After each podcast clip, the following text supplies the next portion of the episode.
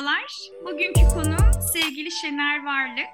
Esas mesleği marangozluk olmakla birlikte kendisinin 800 farklı çeşitten oluşan bir tohum bankası var. Bizim de yakın zamanda bir hobi bahçemiz oldu. Ben yola çıktığımda hiçbir şey bilmiyordum. Ben bu bilgisizlik içerisindeyken kendisi bizimle tohumlarını da bilgisini de özenle ve canı gönülden paylaştı. Böylesine detaylı anlatan bir kişiyle, çok saygıdeğer bir kişiyle sizi mutlaka kabına sığamayanlar için buluşturmak istedim. E, hoş geldiniz Şener abi. Hoş bulduk. Teşekkür ederim Deniz Hocam. Beni de bu grubunuzda dahil ettiğiniz için ayrıca teşekkür ederim. Ben çok teşekkür ediyorum. Şimdi ilk size sormak istediğim şey şu. Bu 800 çeşit tohum bankasından bahsettim ama bu tohum bankasına gelmeden önce sizin aslında bir doğal tarımla uğraşma süreçleriniz oldu ve hala oluyor. Bu doğal tarıma ne kadar zaman önce başladınız? Nasıl başladınız? O noktadan alalım mı? Tabii. Ben bu doğal tarıma 1996 senesinde İstanbul'a geldikten sonra 97 senesinde rahmetli ev sahibi Mehmet Pınarcı bana üç çuval toprak verdi. Bana dedi ki oğlum dedi gel sen de dedi, toprakla uğraş dedi. Bu üç çuval senin olsun dedi. Allah razı olsun. Onun sayesinde bir şeyler öğrendim. İlk yaptığımda çok acemilikler yaptım. Bu zamanla uyguladıkça deneme yanılma sistemiyle 3 tane çuvaldan şu anda toplamda kayıt altına aldığım 800 tohum tamamında 1000 çeşit tohuma ulaşmış durumdayım. Peki bu tohum bankası oluşturma fikri nasıl aklınıza geldi? Bu fikir nasıl vücut buldu zaman içinde abi? Bunu da zaten şöyle, şimdi ekim yapmaya başladıkça elimizde tohumlar çoğalmaya başladı. Tabii doğal olarak ben gruplara da üye oldum. Bu gruplar sayesinde çevrem genişti. Çevrem genişleyince bana tohumlar gelmeye başladı. Baktım elimde tohumlar çoğalmaya başladı. E, çoğalınca da ben bunları küçük kavanozlar, minik kavanozlar içinde toplamaya başlarken tohum bankası fikri aklıma geldi. O da vesileyle bir sefer tohum nasıl saklanır bu bilgilere ulaştıktan sonra mini çaplı da olsa bir tohum bankası kurdum. Bunun başlangıcı elimdeki tohumların çoğalması. Çünkü hepsi dağıtamıyorsunuz. Dağıttıklarınız geri gelmiyor. Gidenler kaybolup gidiyor. Değil mi? Her sebzeden, meyveden size tohum verdikleriniz geri gelmezse o zaman bir kısmını aslında tutmak gerekiyor. Evet, evet. Çünkü ilk zamanlar herkese, isteyen herkese tohum gönderdim. Ama maalesef gönderdiğimiz tohumların yüzde sekseni, yüzde doksanı geri dönüş yapmıyor. Geri dönüş yapmayınca baktım ilk iki sene elimdeki tohumlar kaybolmaya başladı. Türler eksilmeye başladı. Ondan sonra sırf bu türleri kaybetmemek için tohum bankasını kurunca elimdeki tohum çeşitlerini çoğaltmaya başlamış oldum. Yoksa yani kaybolup gidiyor. Peki onlar için özel bir ortam var. Biz sizin evinize geldik. Hatta şunu da eklemek isterim Şener abi. Evinin arka bahçesini tam bir deney alanı olarak yapılandırmış. Goji berry'den Meksika salatalığını biz de tattık hatta. Ağaçlara böyle sarılarak gelişen dev bamyalardan farklı farklı çeşitlerde domates, biberlere kadar ne ararsanız var. Bunları gördükten sonra hakikaten çok çok titizlikle sürece yaklaştığını söylemek isterim. İşte bu noktada o tohumları saklamak için bir ortam oluşturdunuz. Nasıl bir ortam gerekiyor bu tohum bankası için? İdeal ortamı nasıl sağladınız? Şimdi tohumları ideal olarak saklayabilmeniz için önce güneş ışınlarından marum olması lazım. Güneş ışığı direkt almaması lazım. Bu sebeple ben evimde bir tane beyaz dolap yaptırdım. Bu beyaz dolabın içine tohumlarımı 5 santim çapında 5 santim yüksekliğinde mini mini kavanozlar aldım. Bunların içine tohumları koyduktan sonra meşe külü, defne yaprağı ve acı pul biber koydum. Meşe külü kavanozun içindeki nemi alıyor, emiyor ve tohumun çimlenmesini engelliyor. Defne yaprağıyla acı biber de tohumun üstünde ve içerisinde oluşan böceklerin çoğalmasını engelliyor. Bu şekilde tohumdan koruyor. Dolabın içinde de beyaz bir dolap yaptırdım. Kapağı kapattığınızda içi zaten karanlık oluyor. Güneş ışığı görmediğinden dolayı tohumlarım çimlenmiyor. Yalnız bunları tohum bankasında her sene yeniliyor. Bir tohum bankası demek alıp o tohumu yıllarca elinizde saklamak değildir. Bunu her sene ekemiyorsanız eken birilerine ulaştırıp onlar vasıtasıyla bu tohumu çoğaltıp her sene yenilemek gerekiyor. Aksi takdirde bu belli bir sene sonra, 3-5 sene sonra bu tohumlar sağırlaşmaya başlıyor. Bu sefer verimi düşüyor. 100 tane tohumun 80 tanesi çimleniyorsa 3 sene sonra 30 tanesi 40 tanesi çimleniyor ve tohumlarınız kısırlaşıyor. O sebeple tohumların her yıl yenilenmesi gerekiyor. Tohum bankası mantığı dendiğinde ben gruplarda hep bunu yaşıyorum. Herkes alıyor ben alayım diyor. Yeri yok, bahçesinde yok. Evinde 3 tane saksıda 100 çeşit tohum almış bende. O tohumların bir tohum cinayetidir. Onun için bunların istediği doğrultuda hangi tohumun hangi mevsimde ekileceği zaman bazı tohumlarımızı da buzdolabın sebzelik bölümünde saklamamız gerekiyor. Çünkü o bazı tohumlarımız cinsler grubu değişiyor bunlar. Soğuklama ihtiyacı vardır. Soğuk ortamda tohumun çimlenmemesi gerekiyor. Bazı tohumlarımızı buzdolabı sebzelik bölümünde bazılarında güneş almayan serin bir ortamda muhafaza etmek gerekiyor. Şimdi ben de bunları ne yapıyorum? Gördüğünüz üzere evin içinde bir dolap yaptırdım. Yazın sıcakta bahçedeki verandam sıcak olduğundan dolayı tohumlarım çimlenir orada kavanoza içinde nemden dolayı. Yazın serin odama alıyorum. Serin serin saklıyorum o tohumlarımı. Kışın da bahçedeki verandamın içine alıyorum. Orası serin olduğu için orada muhafaza ediyorum tohumlarımı. Bu hakikaten çok titizlikle yaklaşılması gereken bir süreç gözlemlediğim kadarıyla. Siz böyle ekip biçerken bir taraftan da bahçede çeşit çeşit biberler, domatesler, farklı farklı sebzeler, meyveler oluşurken şunu çok merak ediyorum. Arada bunu sormadan ne demeyeceğim. Hiç marketten siz sebze alıyor musunuz Şener abi? Aldığınızda tadı size nasıl geliyor? Ben çok merak ediyorum.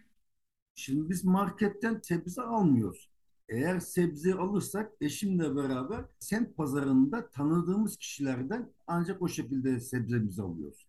Neden Onlar almıyorsunuz?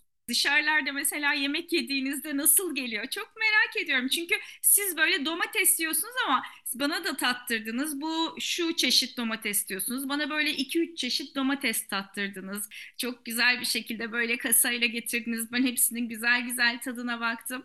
E, onlara baktıktan sonra tabii ki anlıyorum yani gerçekten marketten alışveriş yapmak insanı zorluyor. Şimdi şöyle marketten aldığınız bir domatesle bahçenizde yetiştirdiğiniz domates arasında aroma farkı vardır. Bu aroma farkını zaten siz bunu hissediyorsunuz.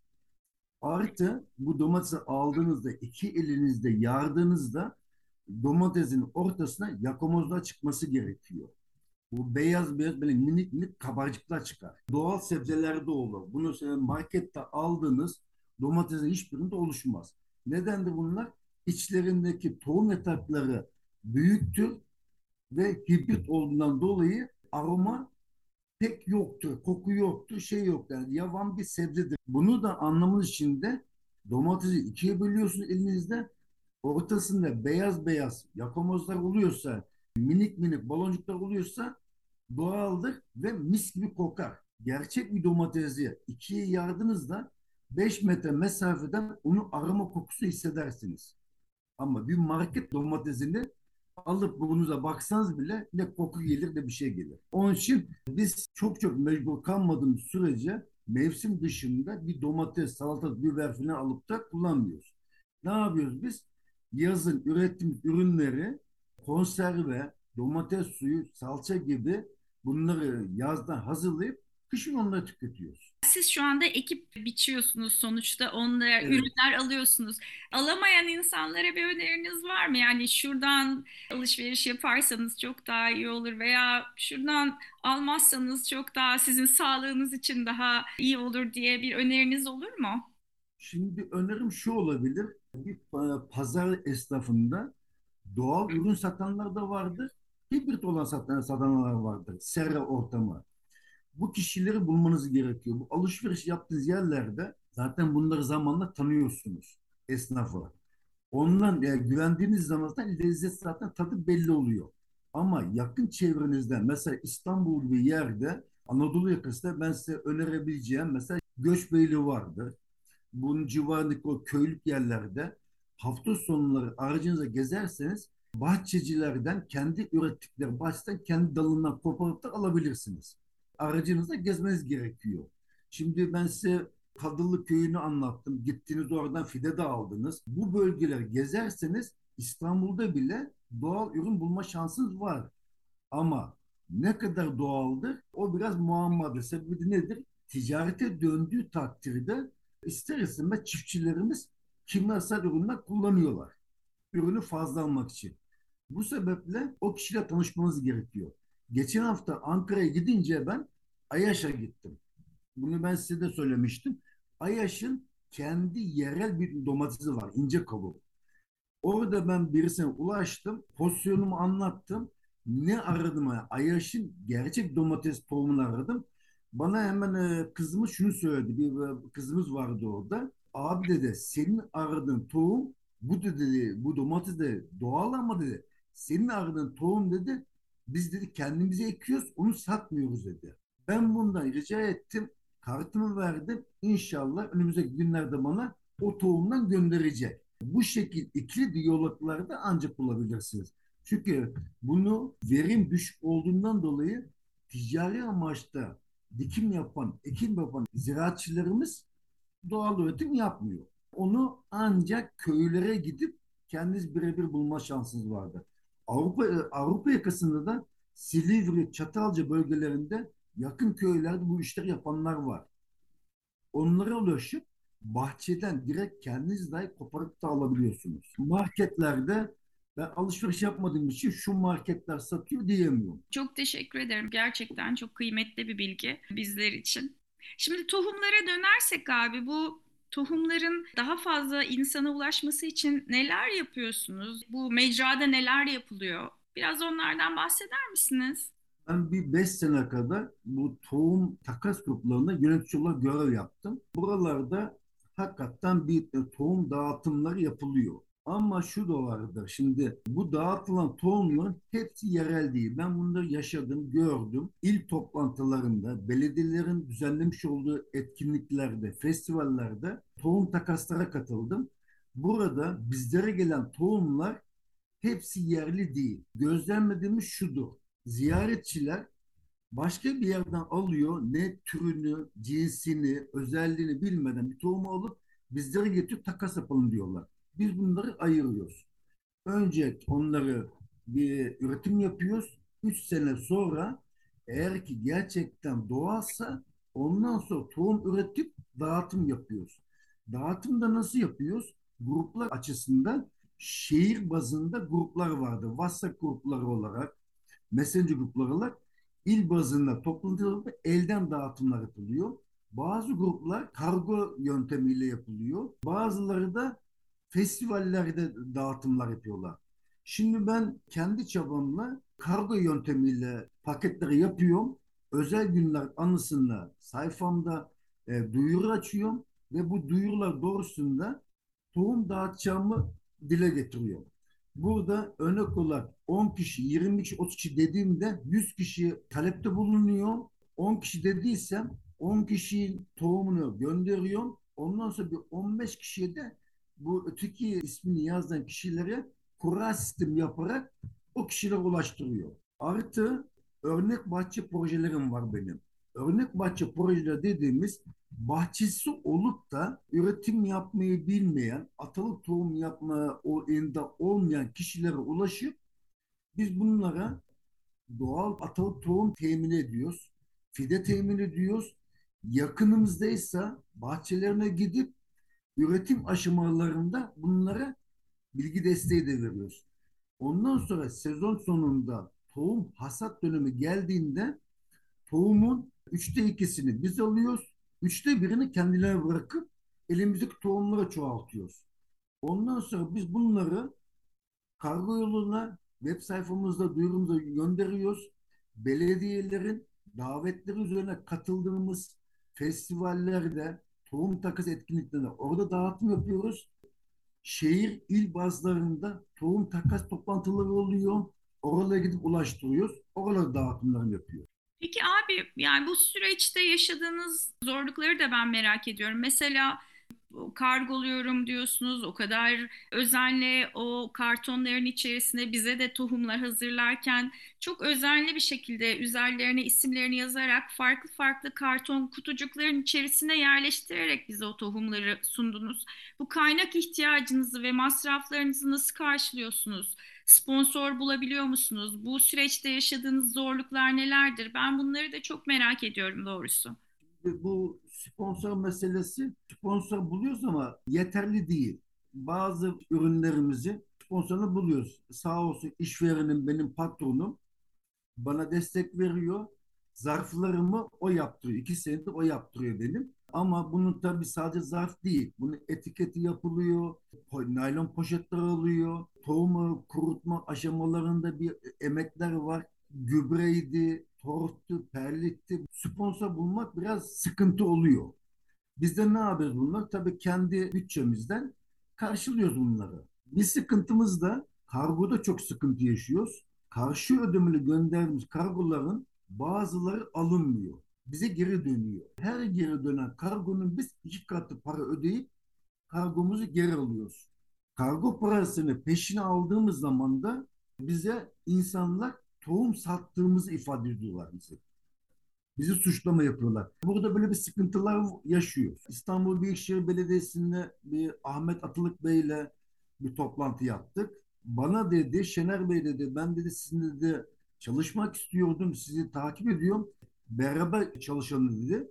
Geçen sene biz gittik Ahmet Bey'e projemizi, protokolümüzü hazırladık, sunduk ama maalesef geri dönüşler yapılmadı.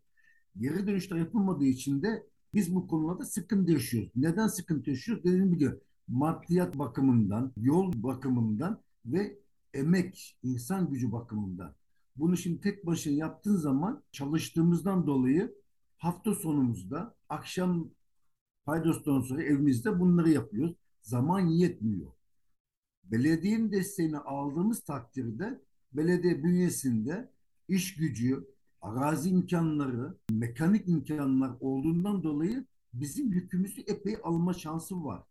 Ama maalesef bu destekleri göremiyoruz. Umarım bu programı dinler o zaman İstanbul İnşallah Ahmet Bey'le bir bir iki konuşma yaptık. İnşallah destek olurlar. Hakikaten bu Ee, yolda onun, zorlukların hafiflemesi çok evet, önemli sizlerin motivasyonu açısından da. Evet. Ben, ben Pendik'te ikamet ettiğimden dolayı Pendik Belediye Başkanımızdan mesela e, bir randevu talebinde bulundum. Ama maalesef kendilerine ulaşamadığımızdan dolayı sıkıntımızı dile getiremedik. Aslında Pendik'te belediyesi bize destek vermiş olsa benim istediğim bir profesyonel ortamda, bir belediyenin gücü altında benim adım geçmesin.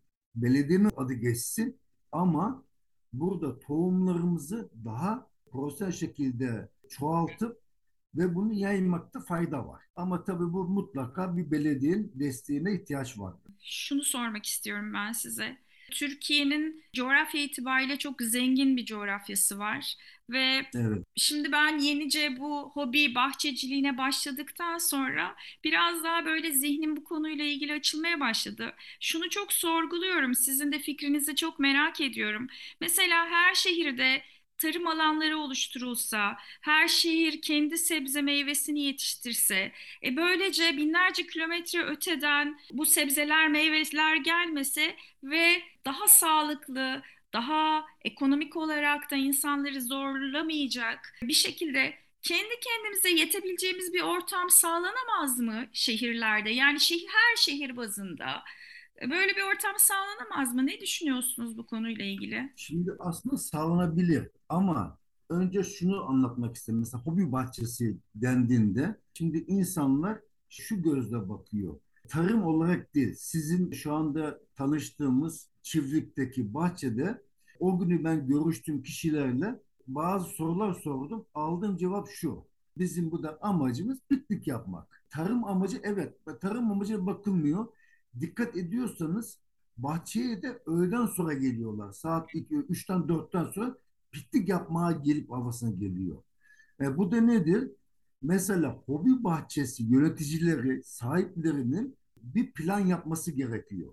Ben bunu sevgili Ufuk Bey'e de anlatmaya çalışıyorum. Burada bahçecilere dönem dönem uygulamalı anlatımlar yapılması, sunumlar yapılması lazım. Tanıtımlar yapılması lazım ki bahçecilerimizi bilgilendirmek amacıyla. Hobi bahçesi amacına baktığımızda bakış açısı bu.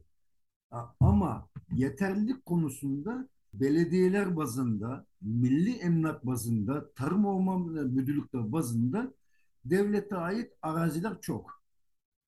Buraları devlet belediyeler bazında İstanbul Belediyesi'nin bu Göçbeli taraflarında yaptığı gibi kendi bünyesinde artı yapmak isteyen, üretim yapmak isteyen kişilere de destek vererek bu tohumlarımızı çoğaltma şansımız çok. Kendi yerimiz olmadığı için hobi bahçelerin ver, bize ücretsiz tahsis ettiği 60 metrekare yerde üretim yapmaya çalışıyoruz. Ama bunu yüzlerce dönüm yerde üretim yapmak demek çok büyük bir şeydir. Bir tek domatesin bir tek bir tane domates tohumundan 150 tane tohum alabiliyoruz. Nasıl alabiliyoruz? Bir tohumdan bir fide oluşuyor. O fideden de 3 tane domates tohumluk alıyoruz. Bu da nedir? Domates, biber olsun, patlıcan olsun bunlar hepsi toprağa en yakın 3 tane üründen tohum oluyor. Bu da nedir? %100 garantili 50 tane tohum aldığımızda bir domatesden 150 tane tohum yapıyor. Bire 150.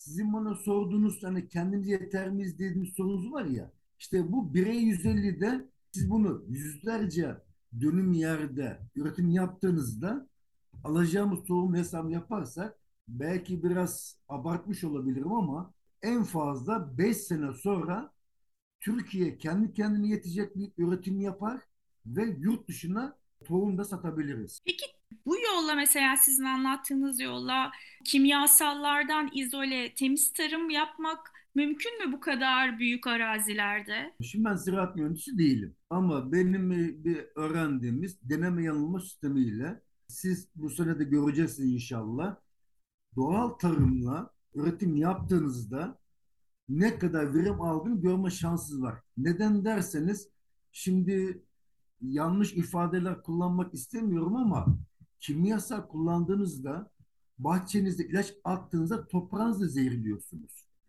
Bir böcek ilacı atıyorsunuz, toprağınız zehirleniyor. E bu toprağın içinde yararlı böcekler de var. Onları da öldürüyorsunuz. Ne oluyor bu sefer? Hibrit tohum almak zorunda kalıyorsunuz. Ürün alabilmek için. Ama tek seferlik ürün alıyorsunuz ve devamlı tohuma para veriyorsunuz. Böldüm lafınızı ama hibrit tohum ne demek? Onu öncelikle açıklarsanız ondan sonra. Hibrit tohum ana gövdesi güçlü olan ama verimi az olan bir e, ürünle ürünü fazla olup da ana gövdesi zayıf olan iki cins aynı familyadan ürünün birbirine melezleştirilmesi. Kimyasal ortamlarda yapıyorlar. O konularda fazla bir şey söyleyemiyorum. Çünkü biz bunların savunucusu olamadık. Olmuyoruz da anlatamıyorum. Ama bu nedir? Tek kullanım tohumdur. Ama F1 standart tohum dediklerimiz bunlar çok yıllıklıdır. Gene de bir kimyasal işlem görüyor. Ama fazla da bir şey diyemiyoruz çünkü bu bir ticari yapıdır. Çünkü çiftçimiz şuna bakıyor önce. Ben bu bahçemden ne kadar fazla ürün alırım? Sebebi de nedir? E, maliyetler arttığından dolayı yaptığı masrafı ürünü sattığında karşılayamıyor. Karşılayamadığı için de doğal olarak bu F1 yani hibrit dediğim tohuma dönüyor. Ama şu yapılsa tamamen doğal tarıma geçilse bu doğal tarımda senin toprağın temiz kalsa, tohumun temiz kalsa suni gübre ihtiyacın kalmayacak senin. Ve artı masrafların artmayacak. Artmadığı zaman da senin maliyetin düşecek ve ürünü çoğalacak. Ama bunu tabii bir devlet politikası olması gerekiyor. Sebep de şudur. İnsanları il bazında tarım orman müdürlükleri yönlendirmesi lazım. Bu dön dönem dönem toplantılar yapılıyor. Bu toplantı bunun anlatılması lazım ve atılık tohumlara geri dönülmesi lazım. Ama bu ne kadar doğru olur Çünkü biliyorsunuz tohumlar yurt dışından geldiği için bunların ithal eden bazı şeyler vardır. Bunları baltalamış oluyorsunuz. Evet tabii yani o çok büyük bir Yani market. şimdi oralar, o konulara pek girmek istemiyorum. Çünkü burada bir ranttır. Evet. Bu ranta girdiğiniz zaman ama bunu bir devlet politikası yapıp da ülke bazında eskiden köy enstitüleri gibi bir yapı oluşturulursa benim yapmak istediğim zaten projem o. İstanbul Büyükşehir Belediyesi'ne verdiğim projemiz de oluyor bizim.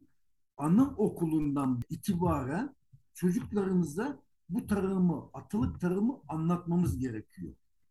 Sebebi de nedir?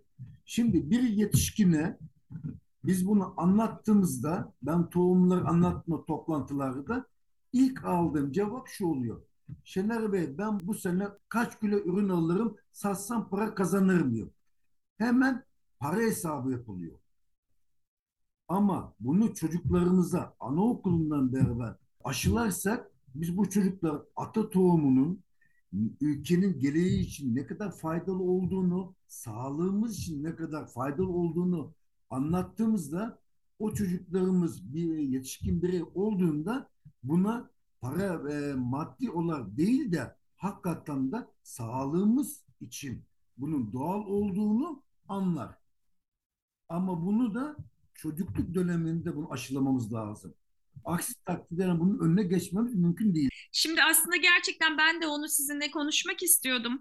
Çocukların, gençlerin aslında hepimizin bilinçlenmesi, eğitimi çok önemli. Ben onun eksikliğini çok yaşıyorum şu anda. O eğitime çok ihtiyaç duyuyorum. Biliyorum ki farklı yerlerde gerek konuşmacı, gerek ders vermek için seferbersiniz. Anlatır mısınız? Neler yapıyorsunuz siz eğitim adına? Okullardaki idealist öğretmen arkadaşlarım bana ulaştığında bana davet gönderiyorlar.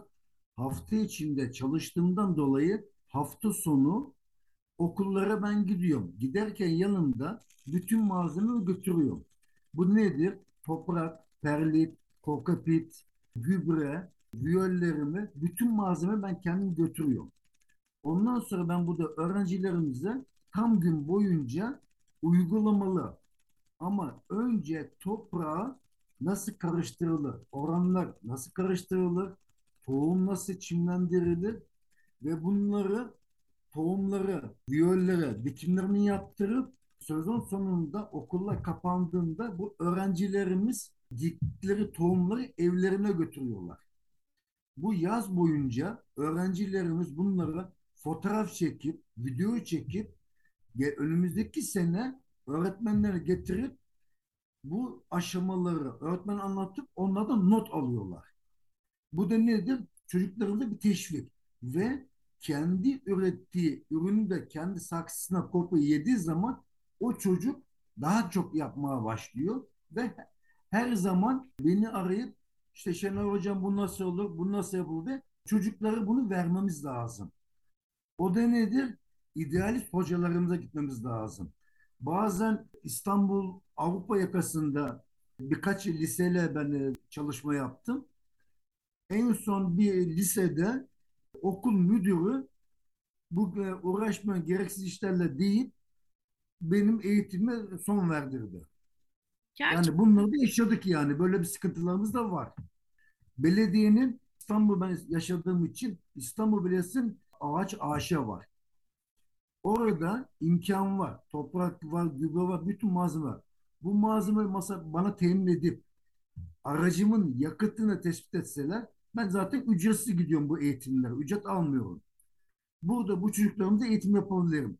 Ve belediyeler benim gibi bu işlere gönül veren kişilere ulaşıp okullarını çoğunda yapabilir. Ben şimdi ne yaptım? Tanıdığım başka şehirlerdeki idealist öğretmen arkadaşlarımıza onlara tohum bankası kurduruyor. Size de gönderdiğim gibi yazıları gönderdim. O hocalarımız orada kendileri öğrencilerimize eğitim verebiliyor. Ama ne kadar yetersiz. Bunu yönetimleriyle başarabilir diye düşünüyorum. Ama anaokulunda itibaren başlamamız lazım. Çünkü yetişkin bir kişiye anlatmak kalktığınızda olaya maddi yönden bakıyor. Bu işe gönül vermek için maddi düşünmeyeceksiniz. O sebeple anaokulundan başlayacaksınız. temelini sağlam atacaksınız ki sizin binanız doğru çıksın. Evet, bir de şöyle de bir şey var. Biz bunu kendi aramızda da çok konuşuyoruz. Erişkinler hep sonuç odaklılar ya. İlk andan itibaren hep sonuca odaklanıyorlar. Ama çocuklar çok süreç odaklılar. Benim şimdi bu hobi bahçeciliğinde de gözlemlediğim çok süreç odaklı olmak gerekiyor. Hani sonuca bakmadan böyle adım adım hangi Evet. aşamalar geçtiğini gözlemleyerek, notlar alarak bir kenara okuyarak o süreci iyi değerlendirmek lazım. O anlamda gerçekten çocukların eğitimi, o süreci bu kadar güzel yöneten, bu kadar iyi bilen insanlar olarak çocukların eğitimi çok daha kıymetli olacaktır gerçekten Şener abi. Evet, bu hani yalnız burada velilerimde çok iş düşüyor. Neden? Geçen sene Çanakkale'deki katıldığım etkinlikte önce tohum dağıttık, sonra yanında bir stand daha yaptık. Çocuklarımız için bir etkinlik alanı yaptık. Orada çocuklarımıza aynı okullarda yaptığım eğitimiz, e, çocuklar uygulama yaptırdım. Bir tane veli dikkatimi çekti. Geldi, şunu söyledi bana. Şenol Hocam dedi benim çocuğum onu elleyemez. Toprak elleyemez. Dedim siz dedim karışmayın. Bırakın dedim. Çocuk kendisi yapsın. Ama yapar. Dedim siz karışmayın. Lütfen dedim karışmayın.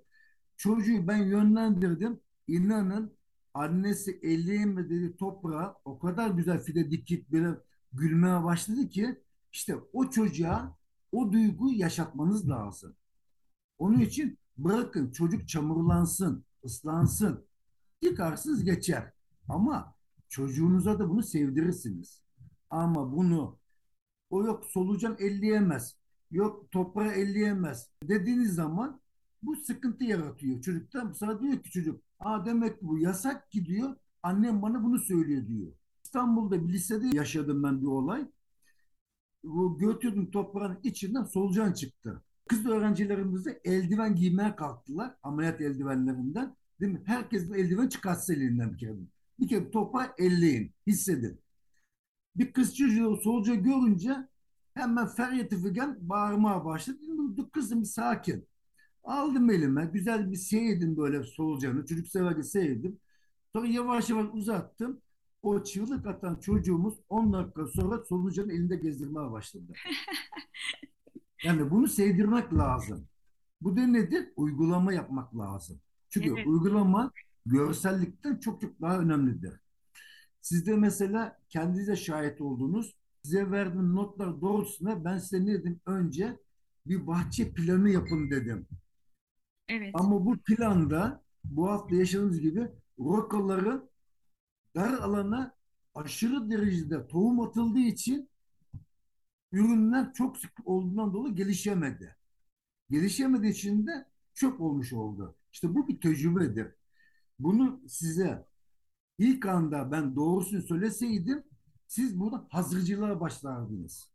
Hazır bilgi isterdiniz devamlı.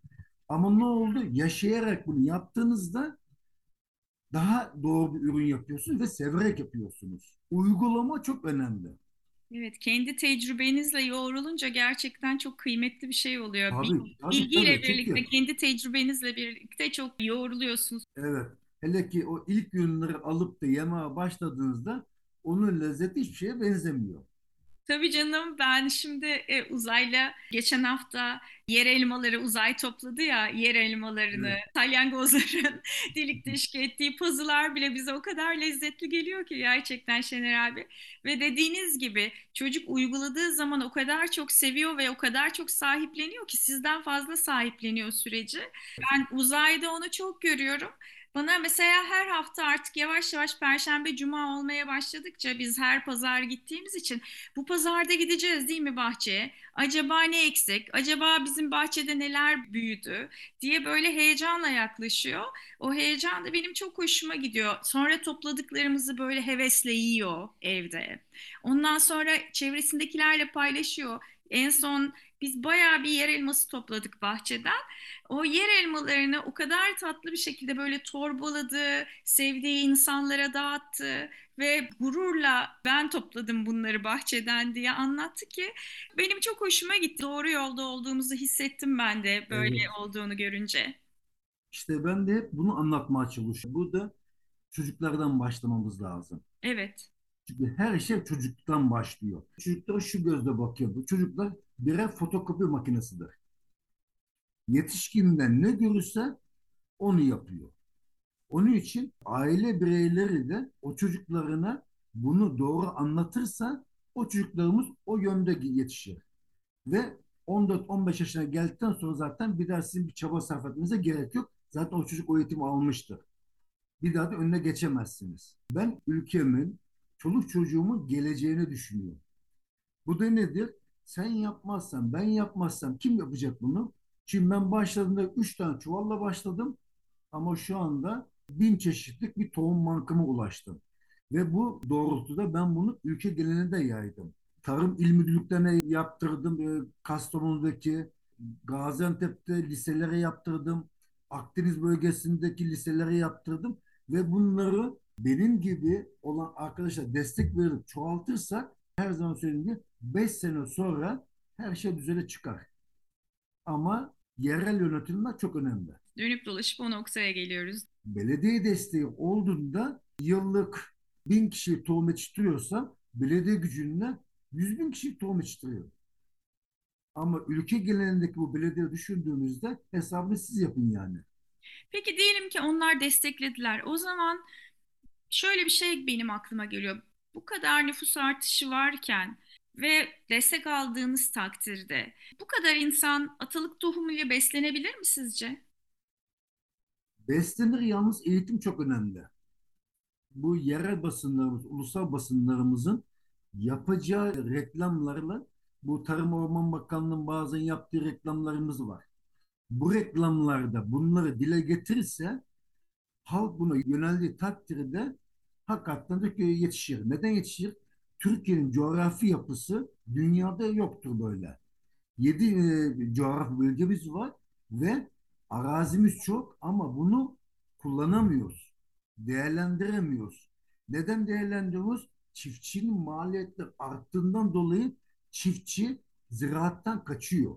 Hükümet politikası olması lazım. Bir de şu yapılması lazım. Bölgesel tarımlar. Marmara bölgesinde ne yetişmesi gerekiyor? Onu çıkartıp, planı çıkartıp Marmara bölgesindeki çiftçilerimize bunu yönlendirmek gerekiyor. Türk tarımında yapılan en büyük hata şudur. Dikkat ettiyseniz bazı seneler mesela soğan çok para ediyor. Bazı sene çöpe atılıyor.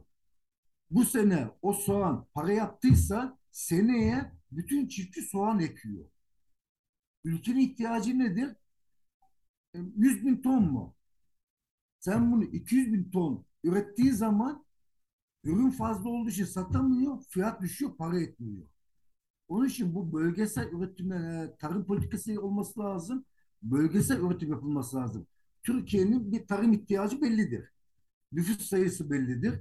Buna göre çiftçiyi yönlendirirseniz çok hala yetişebilir yani.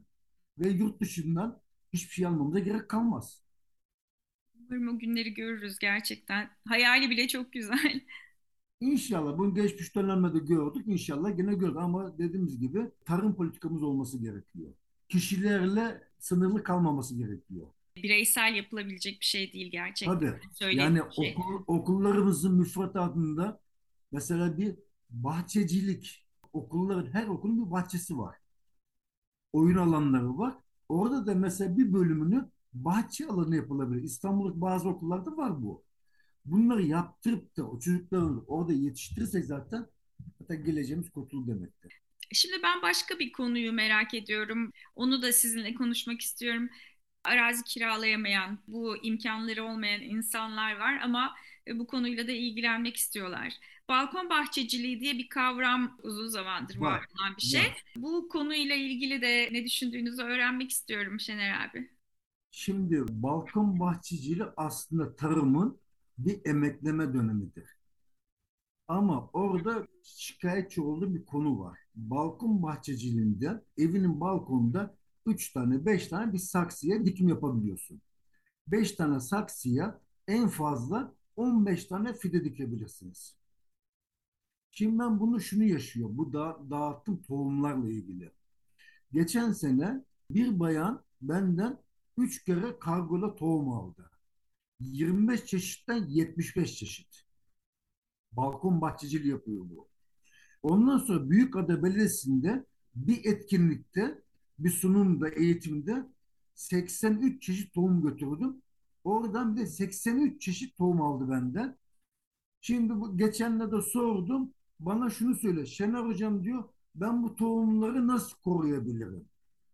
Şimdi bahçe balkonunda üretim yapmak isteyen insanlar emekleme dönemi olduğu için 3 tane 5 tane tohum alsınlar. Lütfen tohum cinayeti yapmasınlar. Bizim koruduğumuz gibi tohumları koruyamadıkları için yapılan en büyük hata gönderdiğimiz tohum poşeti içine tohumlarımızı bırakıyor ve bu tohumlar içinde embriyonlar canlanıyor, gelişemeden ölüyor. Tohuma bakıyorsunuz dışından tohum bozulma yok. Ama içisi embriyo canlı öldüğünden dolayı tohum bitmiş. Ondan sonra o tohumlar bir daha yaşamıyor. Onun için en büyük sıkıntı bu. Ama şu bir şeydir. Üç tane saksıda başlayan bir kişi zamanla sizin yaptığınız gibi bir hobi bahçesine geçebilir. Oradan ondan sonra kendi arazisini alıp imkanı da çoğaltabilir. Ama bunu aşama aşama yapması lazım. Ve tarıma ilk başladığında da küçük çaplı başlaması lazım. Çünkü siz bunu yaşadınız. Tarım emek isteyen bir olaydır. Güç isteyen bu olaydır. Sevgi isteyen bu olaydır. Zaten sevgi yoksa o iş olmaz. Güç yoksa o iş olmaz.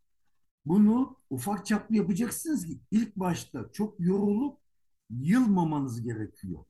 Çabuk ve bıkmamanız gerekiyor. Çok yaparsanız yetişemezsiniz. Bahçeyle koşturursunuz. İki ay sonra bir daha tarımı bırakırsınız. Hobi bahçesinde bunu yaşayacaksınız. Görüyorsunuz orada bahçeleri. Çoğu yarım bırakmış gitmiş bahçecilerimiz var. Bu da nedir? Birden çok olarak başlamak. Az, öz, planlı yapacaksınız. Onun için yani balkon bahçeciliği bence çok önemli. Ama dediğim gibi aşama aşama ve cinayet işlemeden. Ben de ilk başladığımda İstanbul Belediyesi'nin balkon bahçecilik kursu var. Kursa ben bir sene katıldım. Hakikaten onlara da çok büyük faydası var. Oradan da bilgi alabiliyorsunuz. Oradan da altyapı yaparsanız evinizde balkon bahçeciliğinden kademe kademe yükselebilirsiniz. Ama eğitim şart. Peki benim gibi bahçeciliğe yeni başlayanlara ya da başlamak isteyip de nereden başlayacağım diye düşünenlere, bunları bilmeyenlere bir öneriniz var mı? Önerim şu. Önce bir plan yapması lazım. Size verdiğim amatör çiftçi rehberi gibi bir yazı bulup o yazıyı okuması lazım. Bir tane de not defteri bulundurması lazım yanında. Çünkü ben de o şekilde kendimi geliştirdim. Söz uçar, yazık kalır. Yazdığınız her şey akılda da kalıyor, yazılı kalıyor. Her aşamanızı acemilik bölümünde kayıt altına alın ki aşamaları görürsünüz orada. Mesela toprağa kardın, aşamasına baktın, kıvamına baktın, oldu mu olmadı mı notunu al. Tohumu çimlendirdin, tohum çimlendirme dönemlerine bak. Bunların mesela yazılarında benim anlattığım gibi 100 tane veya 10 tane tohum çimlendi bir kenarda peçete içinde bunları bir dene. Kaç tanesi çimlendi, kaç tane çimlendi. E bunların yazılarını kayıt altına al. Hepsini kayıt altına al ve oku. Mutlaka okunsun. Çünkü okunmayan şey doğru bir bilgi değil. Sebebi şudur. Benim sayfamda gördüğünüz üzere ben bir bilgi yayınlamışım. Mesela domates yetiştiriciler hakkında bilgi yazılmışım. Sulamasını da yazmışım. Altına bana yazıyorlar. Şener Hocam kaç günde bir sulamam gerekiyor. Orada yazıyı okumuyor ve cevap veren arkadaş da var. O da yanlış. Neden yanlış? Marmara bölgesinin ısısı, sıcaklığı farklı. Akdeniz bölgesi farklı. Karadeniz bölgesi farklı. Onun için okumak çok önemli. Bunu okunacak ve az başlayacak. Kendini sıkmayacak. Yormayacak. Zaten zamanla çoğalıyor da ister istemez. Ama tavsiye mutlaka okuyun, araştırın, internetten araştırın, farklı bilgiler araştırın. Yurt dışlarına çıkıyorsanız oraları bir dolaşın. Gittiğiniz şehirlerde doğayı bir araştırın, kendinizi o şekilde geliştirirsiniz. Bir kişinin anlatmasıyla olmayacak. Bunu kendiniz yapmanız gerekiyor, tecrübe edilmeniz gerekiyor. Konuşmanın başında yaptığınız işler için çalışmalarınızı paylaştığınız bir web sitesinden bahsetmiştiniz. Böyle bir web siteniz var değil mi? Sosyal medyada da aktifsiniz aslında siz. Şimdi sosyal medyada aktifim. Bazı tohum gruplarında yöneticilik de yaptım ben. Şimdi kendi şahsıma ait Facebook sayfamla Instagram sayfamda bu bilgileri yayınlıyorum. Yapmış olduğum üretimlerin bilgilerini orada yayınlıyorum. Bir ticari amaç yok. Paylaşılmayan bilgi zaten bilgi değildir. Paylaşacaksınız ki o bilgi amacın olasın. Onun için bu Facebook sayfamda ve Instagram sayfamdan takip edebilirsiniz. Evet, ben takip ediyorum. Gerçekten oradan da çok şeyler öğreniyorum. Şener Varlık ismiyle girdikleri takdirde size ulaşıyorlar sizin Instagram evet, ve evet. Facebook sayfanıza. Şimdi artık yavaş yavaş konuşmanın sonuna gelirsek, ben kabına sığmayanlar söyleşilerine katılan tüm katılımcılara aynı soruyu soruyorum son soru olarak. Bir kabına sığmayan olarak nasıl hayalleriniz var? Neler yapmak istiyorsunuz Şener abi? Şimdi aslında bu e, soru çok iyi oldu. Benim hayalim şu. Anlattığım gibi anaokuluna itibaren çocuklara hep eğitim vermek. İki ay önce mesela engelli çocuklarımız için bir yerde eğitim yaptık. Uygulamalı. Tohum ekme, çelik ekme, tohum toprak karıştırma, kamp yapma, kamp çadırı kurma, konuşma engelli olan katılımcılara İstanbul Üniversitesi'nden hocalarımıza geliyor. Onlarla beraber bu etkinlikleri yapıyoruz. Sponsorlar sayesinde oluyor. Bunları şimdi biz inşallah önümüzdeki dönemlerde bunları da böyle devam edeceğiz. Ama benim şimdi tek hedefim eğer ki belediyelerden destek alma şansım olabilirse tek yapmak istediğim benim adım kullanılmasın.